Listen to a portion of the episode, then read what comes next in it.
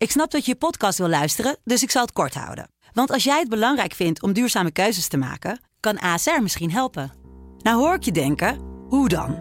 Nou, bijvoorbeeld bij het duurzaam herstellen van schade. Of de premies die we beleggen volgens ons duurzaam beleggingsbeleid. Dat bepaalt waar we wel en juist niet in investeren. Wil je meer weten over welke duurzame keuzes ASR maakt? Ga dan naar asr.nl slash duurzame keuzes. ASR doet het. Zo, dan kan je nu lekker naar je podcast luisteren. The 46th President of the United States. Joseph Robinette Biden Jr. This is the time to heal in America. Dit is Uncle Joe, een blik op de VS. Een Telegraaf-podcast over de Amerikaanse politiek. De opname van donderdag 17 juni. De dag dat uh, Joe Biden zijn uh, eerste buitenlandreis heeft uh, afgerond naar Europa. Duidelijk aan te geven wie welke landen voor hem belangrijk zijn. Maar we gaan heel even naar zijn voorganger terug voordat we daarmee beginnen. Uh, Donald Trump zat in een interview bij Fox News gisteren. En die heeft iets gezegd. Wat we toch wel even moeten aanstippen. Wat hij namelijk nog niet heeft gezegd sinds de verkiezingen van uh, november 2020. Namelijk dat hij niet heeft gewonnen. Ja. Het, het, het, hoge woord is er eindelijk uit. We is... didn't win. Shocking. Nou ja, het is fantastisch. Hè? Uh, hij heeft er lang uh, over na kunnen denken. Het is een soort, uh, als je zwangerschap hebt, ben je met zeven maanden, kan je ook een kindje krijgen. Dus dit kindje heeft hij nu eindelijk gelegd. Een ongewenst kind om in, in, die termen te blijven, want hij, hij wilde het natuurlijk niet toegeven. Het aardige is natuurlijk dat hij zegt, we didn't win. Mm He didn't say we lost, nee. of we, we lose. En daar heeft hij natuurlijk wel een punt, omdat hij pocht natuurlijk meer stemmen gehaald dan ooit. Alleen ja de ander had toevallig uh, nog, iets, van 2 miljoen meer, geloof ik. Dus een late reactie, maar desalniettemin uh, toe te juichen, denk ik. Want het zou uh, toch fijn zijn als we die discussie nu eindelijk achter ons kunnen laten. Ja, maar toch gaat die discussie nog wel even door. Jan Posma, onze correspondent, heeft nog een hele mooie reportage gemaakt in de krant van afgelopen zaterdag. in Arizona. precies, daar gaat het, het, het, hertellen van de stemmen gewoon door. met, met soms argumenten van deze kiesvakjes zijn zo netjes ingevuld, dat kan bijna niet echt zijn. Ja, en uh, ze keek ook, uh, las ik naar of er bamboe in het papier zat. Want dat zou erop wijzen dat China erachter zat. Ja, ja. ja dat denk ik goed. Ik moet zeggen, die mensen kwamen zeer oprecht over in het verhaal. Mm Prima dat iedereen de democratie wil controleren. Maar ik denk nu de grote baas heeft gezegd van nou ja jongens, ik heb echt niet gewonnen. Is het misschien toch verstandig om daar nu maar mee te stoppen en vooruit te kijken. Want er zijn straks alweer verkiezingen en dan ben je nog de oude aan het tellen. Ja, precies. Volgend jaar alweer die tussentijdse verkiezingen. Uh, Trump werd ook gevraagd naar de reis van Biden naar eh, Europa voor, uh, het was nogal een trits, de G7-top, uh, de top met de NAVO en zijn top met de Russische president Poetin dat hij zei na afloop van de G7-top, dat valt denk ik nog het beste samen wat het doel was van deze hele reis. Laten we er heel even naar luisteren. America is back at the table. America is back in the business of leading the world alongside nations who share our most deeply held values. Dat is natuurlijk ook weer een duidelijke verwijzing naar zijn voorganger. Hij noemt het niet expliciet, maar Amerika is terug na vier jaar afwezigheid. Want dat is natuurlijk de implicatie van zijn uitspraak. Ja, en hij wordt er een beetje, uh, zeker vanuit rechts, uh, voor uitgelachen voor die boodschap. Hè. En hij, hij, praat ook heel erg over democratische waarden, mensenrechten, uh, eerlijk spel, et cetera. Maar goed, aan de andere kant denk ik dat hij het heel erg meent. En het is natuurlijk ook wel weer verfrissend dat hij komt met een weliswaar oud en bekend verhaal, maar dat echt wel met enig enthousiasme vertelt. En als je nou kijkt naar dat gebrek aan enthousiasme in bijvoorbeeld Europa, waarvan ik toch denk, ja, dat gaat maar voort en dit blijft technocratisch en zo. En er komt toch wat weinig uh, passie en gevoel bij. En uh, dat probeert hij toch wel uit te stralen, ook weer uh, op die top bij Poetin. Zo van, nou ja, jongens, we zijn terug, hou rekening met ons. En we willen die toppositie, die we misschien deels aan China zijn kwijtgeraakt, die gaan we gewoon weer, weer terugpakken. Dus er is een visie, zou ik zijn zeggen. Een visie, meneer Rutte. Tegelijkertijd. ja, want die, die Tegelijkertijd kreeg je daar toch niet de hele G7 mee mee? Kreeg je niet alle... Waar overigens wel zaten daar wat doublures in, in de zin van dat dat dezelfde uh, landen waren die zich tegen, uh, daartegen verzetten. In dat verzet tegen China. Uh, ja. Kijk, de handjes krijgt hij wel op elkaar als het om het Rusland van Poetin gaat. Maar als het gaat om het China van Xi Jinping, dat niet minder democratisch is dan Rusland, om het zo maar te zeggen. Als het gaat om die westerse kernwaarden. Niet minder niet democratisch. Nee, precies. Ja. Mm dan, dan werkt China daar net zo hard aan tegen. Ja, natuurlijk. Het is natuurlijk wel grappig dat je zegt, ja, ze gaan wel mee richting Rusland. Maar wel uh, pas nadat Poetin heeft gezegd, nou, die we laten die uh, pijplijn met olie vanuit Rusland die naar Duitsland gaat, die laten we maar even ongemoeid. Die is al voor 90% af. Trump die wilde dat hele ding uh, het liefst opblazen, bij wijze van spreken. En ook omdat hij eigen gas, liquid gas, wilde transporteren vanuit Amerika naar Europa. Mm -hmm. En hij had natuurlijk wel een punt van, ja, waarom moet Europa deels afhankelijk raken van het gas van de vijand, zoals hij, hij het ziet. Ja. Dus er was wel even een voorwaarde, denk ik, van nou, we gaan achter jou staan, en, maar ga nou maar niet meer zeuren over die, weet was het, de Nord Stream uh, pipeline? Ja, Nord Stream 2. Ja. Dus ga daar nou niet meer over zeuren. Dus dat vond ik op zich wel interessant. En bij China, ja, daar wil Europa toch nog graag heel erg zaken bij doen. Ja, het zijn met name Merkel en Macron, de, ja. de, de as van Europa in principe, ja. Duitsland en Frankrijk. Uh, die zich tegen die confrontationele koers tegen China verzetten. Ja, en die hebben natuurlijk grote economische belangen. De, de, de Duitse auto-industrie is sterk in, uh, in China. En uh, ja, god, dat is natuurlijk een enorme markt. En ze zijn ook gewoon afhankelijk van, van, van onderdelen. Ik bedoel, als Ja. je alleen al kijkt naar dat hele chipstekort Ja, van de afgelopen anderhalf jaar is dat Ja. inmiddels al. Het zijn voor een groot deel chips, chips die uit, uit China moeten komen. Ja, en als dus de banden daarmee minder eh, goed worden, dan heeft BMW, Mercedes, Renault hebben gewoon een probleem. Ja, klopt. En ik weet niet, komen die, eh, die batterijen er ook van? De, de, de lithium en al China die is dingen een van de grootste eh, producenten inderdaad Ja. van batterijen weer, klopt. Dus Ja. ook dat eh, speelt dan een, dan een rol. Wat Maar denk is dat ik, dan tegelijkertijd ook niet het grootste verwijt dat het Westen ook in het verleden al werd gemaakt? Van die democratische waarden vinden we hier in het Westen hartstikke belangrijk. Tenzij onze eigen belangen onder vuur komen te liggen. Ja, dat klopt deels, denk ik. Dat is, Mhm. Zo cynisch eh, is het wel. Alleen ja, ik kan me wel voorstellen, met Rusland hebben we natuurlijk al een wat langere geschiedenis. We hebben de Oekraïne-bezetting gehad. We hebben MH17 gehad, wat natuurlijk echt een land, hè, voornamelijk eh, als je het over Europese landen hebt, eh, Nederland, dat een Europees land als Nederland heel hard heeft geraakt.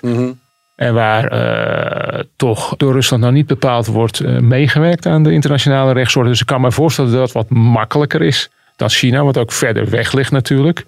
En misschien, kijk, we hebben nu natuurlijk die Oeigoer, maar in het verleden waren de Chinezen toch redelijk voornamelijk economisch gericht. En was er de hoop van, nou ja, als er maar een middenklasse komt in China, dan zullen die mensen toch eindelijk eh, gaan zeggen tegen hun leiders van, jongens, wij willen ook democratie, want eh, zo hoort het. Ja. En ja, dat blijkt niet te werken. Het leuke, of leuke, het eh, misschien minder leuke, is dat Poetin dat in zijn persconferentie ook zeg maar, de Chinese argumenten tegen Amerika gebruikte. Van kijk nou eens naar jezelf.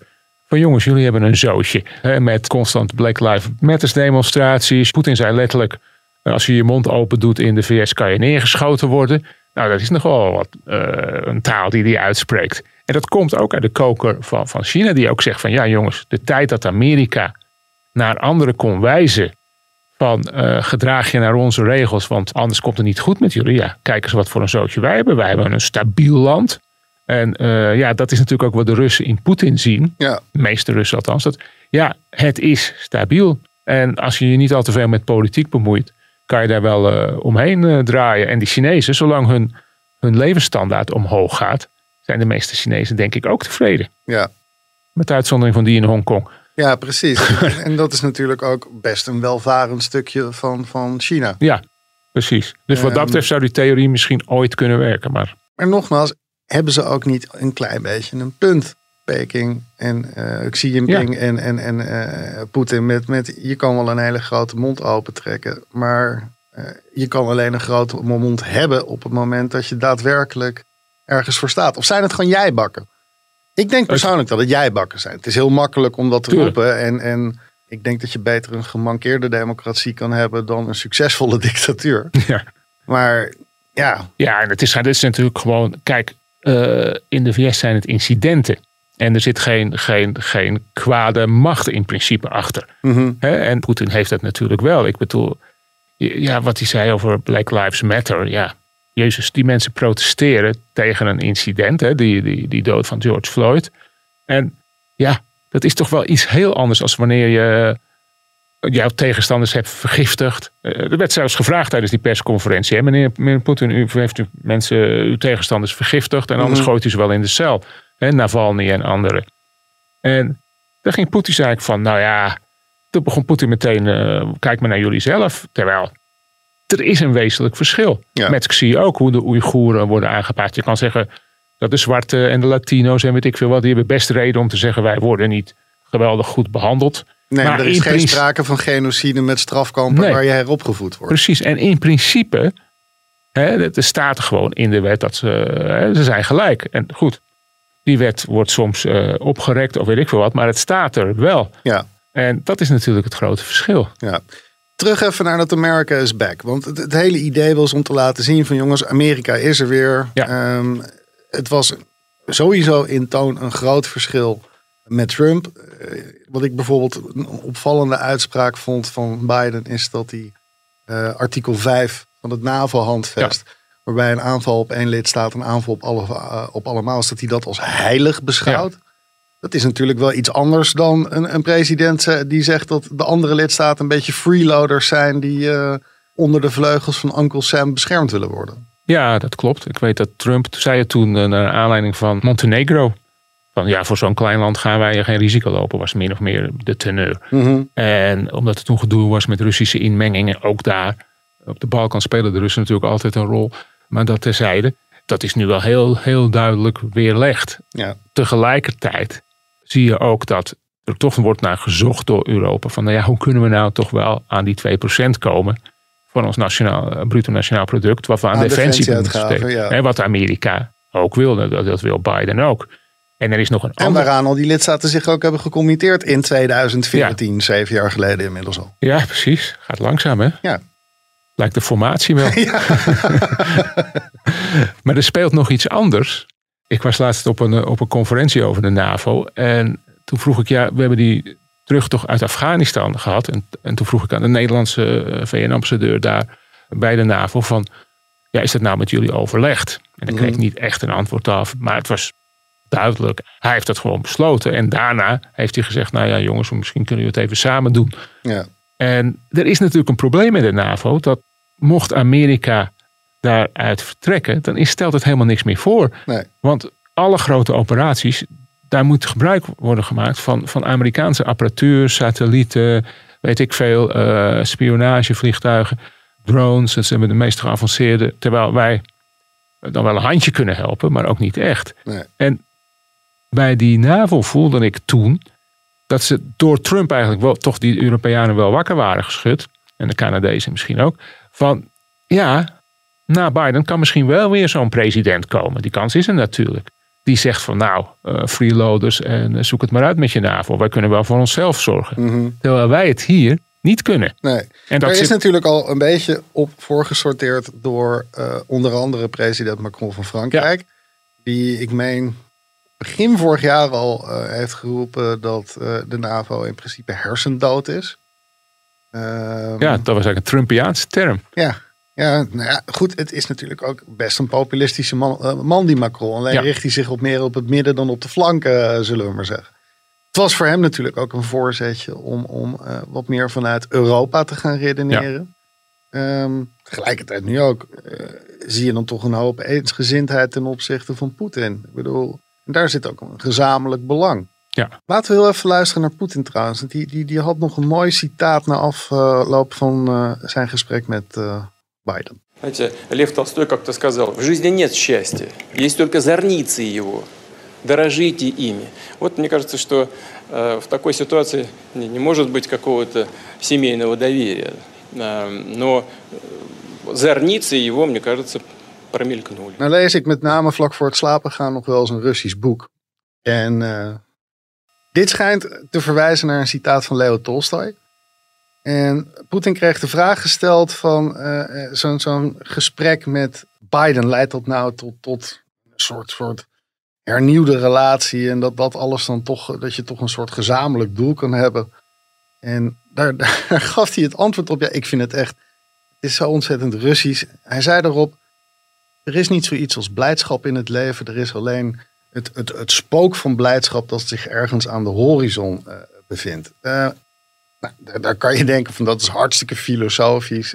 Tegelijkertijd is het natuurlijk ook iets heel realistisch. Dat, dat, dat we hier natuurlijk ook in Europa wel zien wat jij zegt, dat spook aan de horizon. Je kan wel heel erg gaan praten over die goede relatie, maar je kan vooral ook een beetje nadenken over wat er zich aan de horizon bevindt. Bijvoorbeeld inderdaad een, een, een president die Europa niet zo vriendelijk is toegenegen als, uh, als Biden dat dan nu weer is.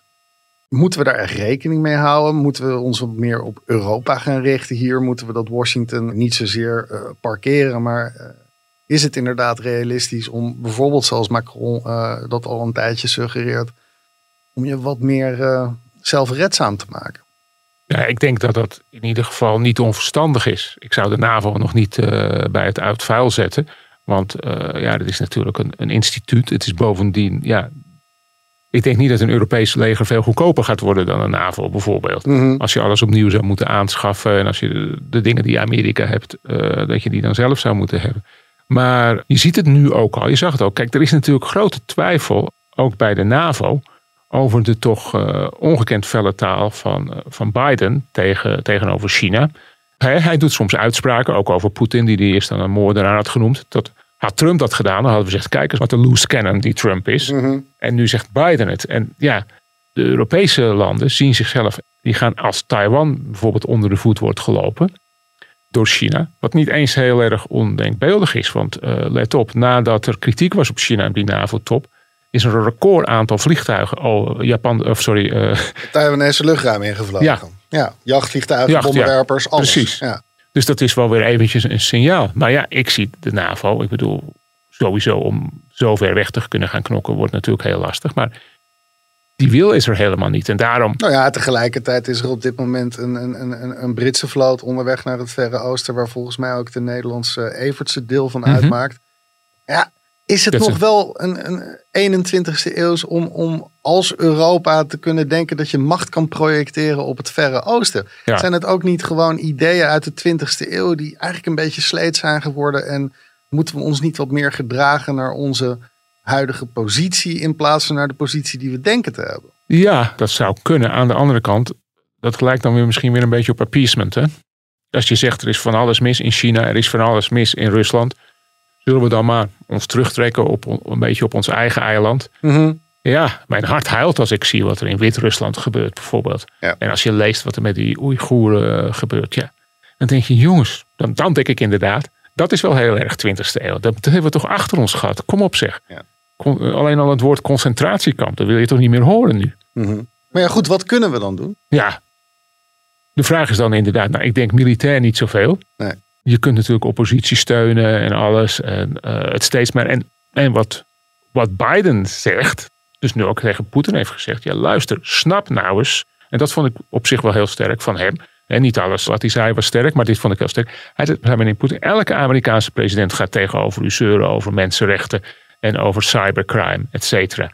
En daar deed hij wel een dreigement aan, aan, aan vast over die cybercrime. Van ja, wij hebben ook wel een paar handige jongens in Silicon Valley zitten. Die zouden dat ook wel kunnen doen bij u. Wat zou u daarvan vinden? Ja. En dat is natuurlijk ook weer gericht richting China. Die ook met spionage van alles doet. Dus eh, ja, op dat terrein. Je moet, wat Biden denk ik wil. Is dat je ook intellectueel voor blijft lopen. We worden natuurlijk ingehaald. Zoals eh, de meeste mensen weten dat niet. Maar Shanghai heeft meer eh, miljonairs dan New York. Ja. Weet je wel. En in Shanghai wo- wordt, worden de torens hoger en in kortere tijd gebouwd dan in New York. En, en, en, en, en kijk naar de treinen in China. Die zijn fantastisch. Dan denk je, ja, jongens. We moeten natuurlijk niet achter gaan lopen. Te veel. Want, op, op al die gebieden. Want dan kom je in de problemen. En Ja. die ambitie, die heeft, heeft Biden wel. En eh, Trump mag dan laatdunkend eh, zeggen van... eh Putin won en Biden gave everything away. Ja, denk ik dan, dan, dan weet je niet waar het om gaat. Maar ik bedoel, wat heeft zijn ontmoeting met Poetin ooit opgeleverd... waar ze met z'n tweeën stiekem achteraf in een zaaltje zaten... en waar we niks van mochten weten... en waarvan we nog steeds niet weten wat er besproken is. Nee. En ook daarna is er niets spectaculairs heeft, gebeurd. heeft expliciet gezegd dat hij meer vertrouwen had in Poetin dan in zijn eigen veiligheid. Ja, dat was ook nog een leuke, ja. Dus dat, Ja. eh, laten, we, laten we nog heel even luisteren. want Biden gaf ook zelf een samenvatting van hoe die sfeer van zijn eh, eh, ontmoeting met uh, Poetin is geweest. I don't think he's looking for a Cold War with the United States. I don't think it's about a, as I said to him, this is not a kumbaya moment, as he used to say back in the 60s in the United States, like let's hug and love each other. But it's clearly not in anybody's interest. Geen kumbaya momentje. Ik vond het wel een goede samenvatting, inderdaad. En dat, het is, er zijn gezamenlijke belangen, maar er zijn ook een hoop dingen waar ze het gewoon simpelweg niet over eens worden. En die je niet kan oplossen met een, een knuffeltje en een joint, bij wijze van spreken. Het is zo, ik denk dat dat een hele logische conclusie is van Biden. Het enige is, kijk, hij hoopt dat hij door, door zo te praten en door alles op tafel te gooien, hoopt, hij, hoopt hij twee dingen. Dat hij thuis als sterk wordt ervaren, want vergeet het niet, er was natuurlijk ook aan het uh, thuispubliek bedoeld, de boodschap. En uh, tegelijkertijd wil hij toch tegen Poetin zeggen, ja, tot hier en niet verder. Ja. Maar of Poetin zich ergens iets over aan, aantrekt, ik heb even opgezocht welke presidenten, Amerikaanse presidenten die hij heeft ontvangen. Clinton, Bush, Obama, Trump en uh, nu Biden. Ja. En volgens mij heeft hij bij heel weinig ook maar een millimeter toegegeven. Mhm. Als hij iets niet wil, dan doet hij het niet. Nee. En hij zit er nog. En voorlopig zit hij er ook nog wel even met uh, de wijzigingen die hij uh, Ja. via de Doema erdoor heeft gepusht. Er was één momentje tijdens de persconferentie na afloop van uh, zijn gesprek met Poetin dat, dat Biden even deed denken aan zijn voorganger Trump. Hij kreeg ruzie met een reporter. Ja. Laten we verluisteren. Why are you so confident he'll change his behavior, Mr. President? Yeah, I'm not confident change behavior. What the hell? What do you do all the time? So when did I say I was confident? You I said said, in the next six I months said, you'll be able to determine. What I said was, let's get it straight. I said what will change their behavior is that the rest of the world reacts to them and it diminishes their standing in the world. I'm not confident of anything. Just stating a fact. But given his past behavior has not changed, and in that press conference after sitting down with you, so how does that account to a constructive meeting as President, President Putin You don't understand that. You're in the wrong business. Dat was een beetje slecht te verstaan, maar er werd een beetje heen en weer gepingpongd over de vraag van wat kan je nou bereiken met zo'n top als Poetin na afloop toch zegt van uh, ja, Amerika doet het zelf net zo hard. Waarop Biden zegt, nou als je dat gelooft, dan moet je misschien een andere tak van sport uh, gaan uitzoeken. Ja. Ik, ik vind het zelf, kijk, het, het valt op omdat het zijn eerste echte expliciete aanvaring met de pers is. Het, het, het, is geen, bij Trump was het dagelijks. Op een gegeven moment dan, dan ben je er zo aan gewend dat het eigenlijk niet eens meer opvalt. Andersom, je zou ook kunnen zeggen als tegenstander van Biden, hij praat amper met de pers, dus dan kan je ook weinig aanvaringen hebben. Wat ik ook opvallend vond, was dat hij uh, op het vliegveld van Genève nog even naar een groepje verslaggevers toeliep en zei van, joh, die aanvaring met die CNN-verslaggevers net, dat had ik niet zo moeten aanpakken en dat spijt me. Dat is Ja. ook wel iets wat je Trump niet meteen zal horen zeggen. Nee, en uh, ja, vraag is natuurlijk uh, of hem dat is ingefluisterd of dat Tuurlijk wordt dat vanuit hem ingefluisterd, zelf Frank, komt. dat weet jij ook wel. Nou, ik weet het niet. Het is, uh, misschien is het wel een heer. een, een, zo lang in de politiek en toch altijd een heer gebleven. Als, als we Eh. nu een videopodcast hadden gehad, dan had ik nu aan Marieke, onze producent, gevraagd om even de, de, de, de, de compilatie te starten van alle momenten dat Biden achter een vrouw gaat staan en daar Ja. heel erg opzichtig aanwezig is. Maar we hadden dat fragment met die verslaggevers. Ja. Is, is dit nou typisch voor Biden? Of is dit gewoon, eh, je hebt een hele drukke week achter de rug en iemand stelt vragen waarvan je denkt, kom of fuck op, je, hey, dit snap je Ja. zelf ook wel. Ik denk het wel. En wat je natuurlijk ook niet moet vergeten. Kijk, die tops worden natuurlijk altijd gehyped. Mhm. Hè, van er moet iets uitkomen. Maar ja, kan jij een top herinneren waar echt iets uitkomt? Ik bedoel, er wordt allemaal eerst moet het voorgekookt worden.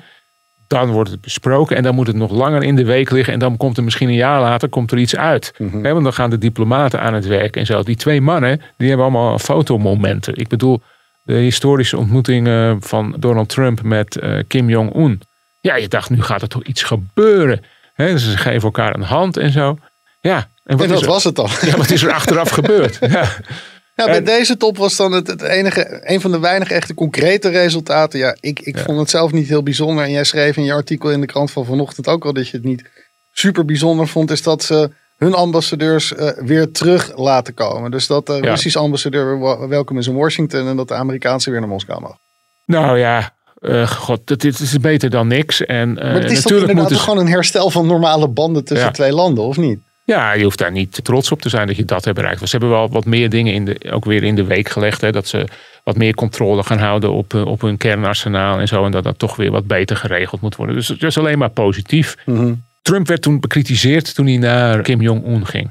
Ook door Obama. En ik heb laatst uh, zijn boek gelezen, zijn uh, memoires van Obama, deel 1 dan. En daarin, als kandidaat, presidentskandidaat, zei hij: Natuurlijk moet je met Kim Jong-un praten. Je moet met iedereen praten. En ja, dan is de, de tegenstander zegt dan: je geeft iemand een, hoe, hoe noem je het? Een toneel, een podium. Ja. En dat, Poetin heeft natuurlijk enorm dat podium gegrepen. Die stond daar gewoon een uur lang tegen een redelijk vijandige pers en hij bleef kaarsrecht overeind. Ja. hij raakte, hij werd ook weer ge, geconfronteerd met die moordenaarsquote. Het ging weer over Navalny en alles. Ja, en dan begon hij weer over, over dat er in Amerika ook van alles mis is. En uh, weet ik veel, Tolstoy te citeren. Uh, maar hij stond daar. En hij kon dus een uur lang op Amerikaanse tv zijn boodschap vertellen. En ja, dat is dan misschien iets meer een triomf. Want ik denk niet dat Biden zo lang op Amerikaanse tv is geweest. Of Russische tv is geweest. Maar goed, aan de andere kant denk ik, ja, iedereen weet wie Poetin is. Dus mm. Er zullen toch niet zo heel veel mensen anders zijn gaan denken. Maar zou dat inderdaad niet, ik bedoel, die, hebben die criticasters van, van Biden niet ook gewoon een klein puntje dat je, dat je Poetin veel beter uh, onder controle kan houden door hem dat podium niet te geven? Door niet net te doen alsof het een superstaat is, maar namelijk een, een, een land dat qua economie nog kleiner is dan Californië, om er iets te noemen. Ja. Ja, Maakt, Maken we met z'n allen Rusland niet veel groter dan het in werkelijkheid is? Ik bedoel, ze hebben inderdaad een, een hele krachtige strijdmacht. Maar, Ja. maar voor de rest, het stelt economisch niet ontzettend veel voor dat land. Nou ja, sinds de Lada kan ik mij geen Russisch product herinneren. Behalve uh, wodka die wij hier hebben gehad, toch? Nou, noem eens een Russisch kwaliteitsproduct hier. Ja, wat wij kopen. eh, Waar wij... Stoli is een, is een kwaliteitsproduct, maar ik behalve wodka inderdaad, ik zou Nee, ook niet 1, 2, als 3 je- iets kunnen noemen. Nee, ik bedoel, als je dan kijkt naar een vergelijkbaar land, of, of China, wat eigenlijk ook van ver, van, van ver achterop kwam. Ja, daar hebben we allemaal telefoons en weet ik veel wat van. Hè, die dan met een, een Amerikaanse sticker krijgen, maar daar worden gemaakt. Mhm. Dus ja, wat dat betreft stelt Rusland inderdaad niet zoveel voor. Maar ja, goed, de nukes zijn natuurlijk toch wel een factor. Ja, En het dat is, nog natuurlijk- wel een klein dingetje. Ja, en het is natuurlijk ook nog het grootste land ter wereld. Wat op zich wel problematisch is. eh, om, dat, om dat dan te, te regeren. Dus ja, kijk, je moet, ik denk dat je inderdaad een afweging moet maken van moeten we dat nou te vaak doen?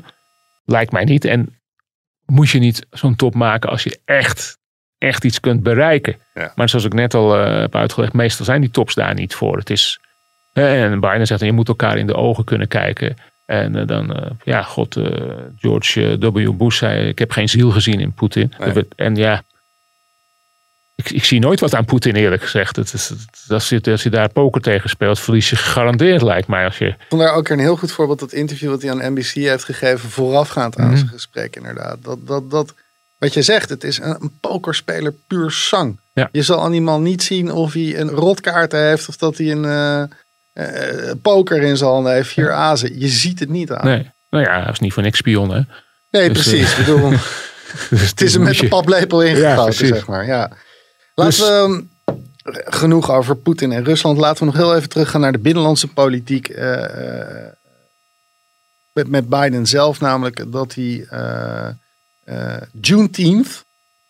en Misschien moeten we heel even uitleggen wat dat is. In 1862 eh, komt Abraham Lincoln met de Proclamation of Emancipation. Dus de, de, de, de afschaffing van de slavernij. Dan is de burgeroorlog nog in volle gang. Dus het duurt dan sowieso nog tot 1865. eh, met het eind van die burgeroorlog. Voordat overal in de Verenigde Staten, dan weer Verenigde Staten, eh, de slaven vrij zijn. En de allerlaatste staat waar eh, die slaven dan bevrijd worden, dat is Texas. En dat is dan op 19 juni 1865. En, en dat, dat, dat noemen ze dan nu tegenwoordig in de VS Juneteenth. En Biden wil daar nu een officiële feestdag van maken. Ja, en dan zijn er mensen die zeggen, ja kijk maar, hij is onder de invloed van die woke-beweging, Black Lives Matters en zo. Maar goed, het lijkt eigenlijk wel mee te vallen in die zin dat eh, de meeste republikeinen hebben ook voorgestemd. Maar ja, jongens, dit is toch wel een dag in onze geschiedenis die we mogen, eh, mogen herdenken. En eh, ja, dat stemt me eigenlijk alleen maar, maar tevreden dat, dat het zo is gegaan. Ja, het, het is terecht een, een dag. Ik bedoel, er is ook Martin Luther King Day. Ja. Dus ze zeggen, we hebben al twee zeg maar, triomfen van Zwarte Amerika, dat je daar een vrije dag voor krijgt. Het is toch weer iets heel anders dan Columbus Day, waar die een heleboel mensen niet meer willen vieren, op, omdat Columbus half Zuid-Amerika uitmoorde. Of de, of de griep die hij meebracht, als je het zo wil brengen. Ja. Dus ja, ik, het lijkt mij eh, prima. Ja. Ja, ik zie ook het probleem niet. Ik, ik, ik, ik vraag me inderdaad dan ook, wat, wat, wat is er precies woke aan het feit dat je viert dat de slavernij wordt afgeschaft? Nee, ja, woker is misschien eh, dat Trump zelfs zijn, eh, zijn- zijn, zijn eigen auto, de Beast, die eh, beschermde topzware limousine elektrisch wil maken. Ja, dat denk ik, ja, dan schiet je wel door. Maar dat ding, dat, dat is al topzwaar. Ja. Dat ding is echt al, nou, zo zwaar als een panzerwagen. Dan moet je daar dus ook nog, want ik bedoel, eh, het, het is best zwaar hè, accu's. Eh, Elektrische auto's zijn enorm zwaar vanwege die accu's die erin zitten. De Beast is van zichzelf al zwaar, dus moeten er nog zwaardere accu's in om dat hele gevaarte al voort te kunnen. Dat, dat wordt een apparaat van vijf ton op die manier. Een 30 meter. Wordt een bus. Ja, Ja, hij is al lang. Ja, ik weet ook niet in hoeverre dat serieus is. Eh, Later eh, las ik ook weer, hij zei dat in het kader van dat hij alle auto's van het Witte Huis elektrisch wil maken. Die dus de Witte Huis staf gebruikt, et cetera. Ja. Dus ja, dan valt de Beast er ook. Want dat is natuurlijk leuk om eruit te pikken. Ja, Maar- tegelijkertijd kan je ook afvragen. Ik bedoel, de Deutsch, eh, zeg ik dat goed? Eh, nee, van Ford is dat. De, de Ram van. Ik ben niet zo heel erg. Ik heb niet zo heel veel verstand van De auto's. F-150 is ook Die bedoel ik inderdaad. Ja, Die is nu, en dat ding dat gaat als een dolle. ja De pre-orders die worden gedaan, ze kunnen het niet bijbenen bij Ja. Ford. maar dat, die, die F-150 was al de best verkochte auto in Amerika. Ja. De, zonder dat hij een, eh, een batterij erbij kreeg. Ja, maar goed, het geeft dus aan, want het, het, het zijn voornamelijk mensen uit de Midwest Ja. die zo'n ding ook echt nodig hebben. Want het is ook een halve terreinwagen. Ja, nou, het is een terreinwagen. Het is Ja, een- precies. Een Dus- fantastische auto eigenlijk. Het, het zijn niet meteen eh, de wokies eh, die, die eh, chai lattes aan het sippen zijn in Californië die zo'n ding kopen. Ik bedoel, Nee, die hebben Is- nog steeds het- een het- Prius. ja, precies. ja, maar is het nog wel zo woke dan? Nee, toch? Nee, misschien niet. Misschien niet. En, en kijk, op zich, alles wat eh, Biden, waarom wil hij ook moderniseren? Waar, eh, dat hij zegt van ja, god jongens, we moeten groener worden, we moeten van die olie af. Maar dat schept banen en zo.